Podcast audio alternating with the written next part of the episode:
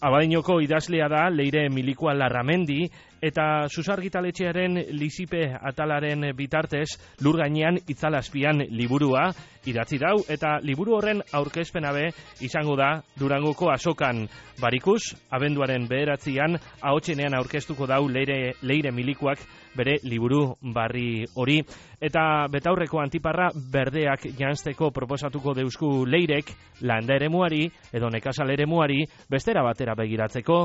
Leire Milikoa egunon Egunon. Posik geratu zara, liburuagaz? Ba, bai, bai, posik nau. Landa ere mua edo nekazal ere mua itatzen dugu. E, landa edo nekazal ere muari begiratzen deutzagunean, zelan e, beharko genduke begira da hori aldatu? Ba, bueno, azkenean, e, tiburak hori dauka izena lur gainean itzalazpian eta pixkat e, nekazari emakumeak eta nekazari emakumeak ditu protagonista eta e, horra heltzeko, ba, baita nola ez, landa eremua, ez, e, dauka berbagai.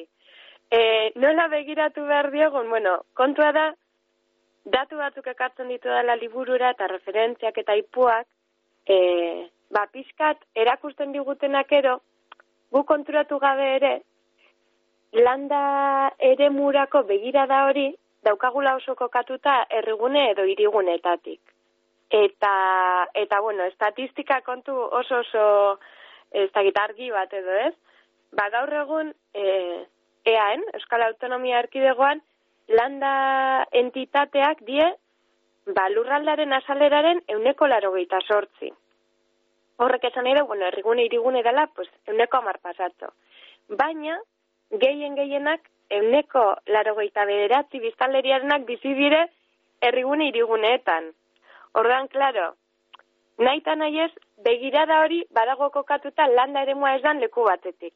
Horrek ez da bezan nahi landa ere kokatuta ja e, dana ondo dagoenik, ez da errigune irigunean kokatutako begirada denak ez direnik e, ez dakit, errespetuzkoak. Baina, bueno, pizkat, sistema hauselan antolatuta dagoen, ba, landa ere da ertzean dagoen hori, ez? Beste hori, eta askotan ezagutzen ez dugun hori.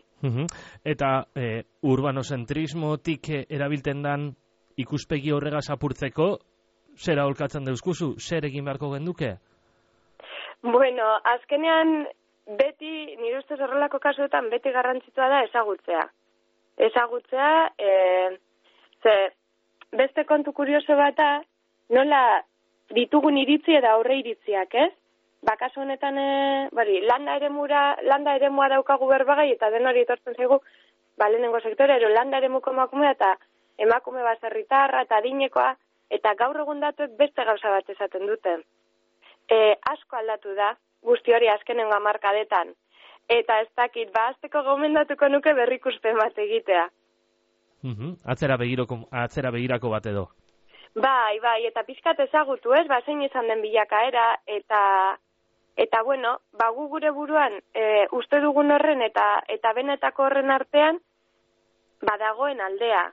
Eta, bueno, egia, osea, liburuak bide horretan ekarpena egita dauka bere helburu nagusi egia esan. Uh Bueno, bale egin du baita esan e, ezagutza horretan apurtxu bat e, sakontzen leire, e, zure eskutik egingo dugu bide hori, liburuaren, uh liburuaren lehenengo satian irakurleak okoatzen duzu, eta, eta bigarren sati baten, bosgorailu funtzinoa beteten daben ahotzak topau geinkez, zein, uh zeintzuk dira abotz horrek, eta zer kontetan dabe?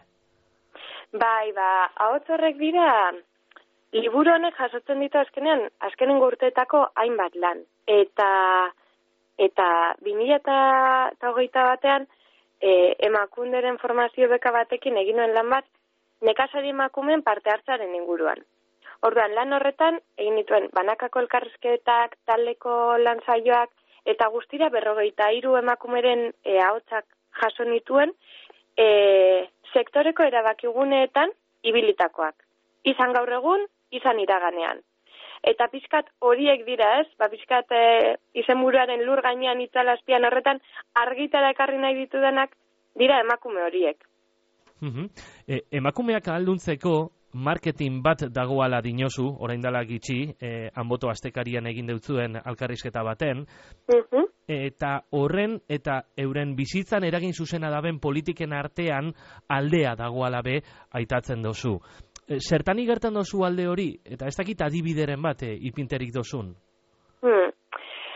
Bai, bueno, azkenean eh, nire ustez badago hor, ba hori ez, e, alde handi bat, ba hitzekin edo, edo bari, marketing edo publizitatearekin ez, trans, trasladatu nahi den horren, eta gero benetan emakume horien e, bizitzen artean.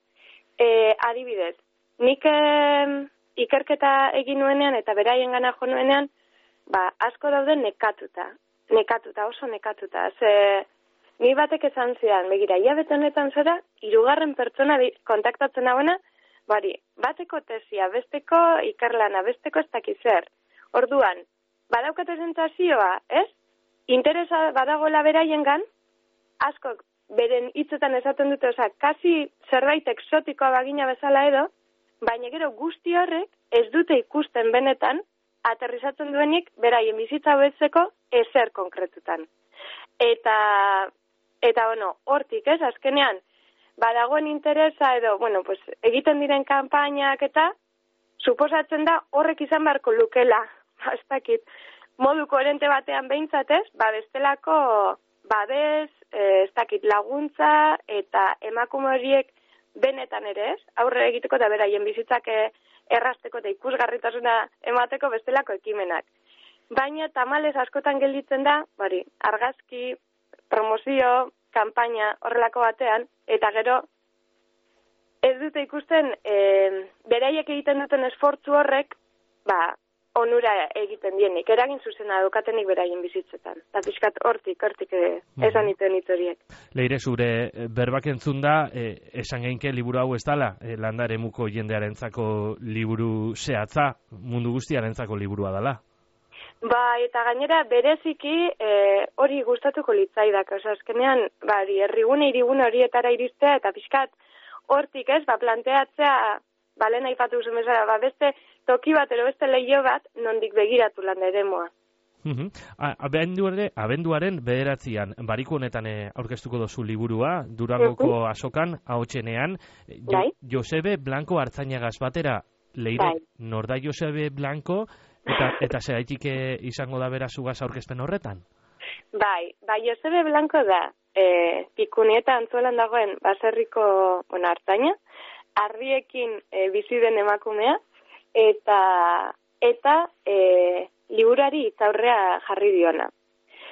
E, niretzat izan da, oparitzela azkenean, ba, bueno, pixkat, liburuak protagonista dituen emakume horietako baten hitzak izatea, e, ba, sarrera hori e, egiteko, eta eta ba ez dakit ore handia baita bai lehenengo liburuan lehenengo aurkezpenean bai asokan ba berarekin batera aurkeztea ba pixkat liburunek izan nahi duen hori ez ba gerturatzea e, emakume horieri beste leku batetik ezagutaraztea eta batez ere berbagai bilakatzea gai guzti hauek Balur gainean itzalazpian liburua, desiaten gagoz, eh, eskuen artean eh, eukiteko, abenduaren bederatzean aurkezpena, Durangoko asokan, eta leire milikua, abadinarra eta idazlea, telefonoaren bestekaldean eukidugu. Leire, plazerra zugaz berbaitea eta sorterik onena liburuagaz.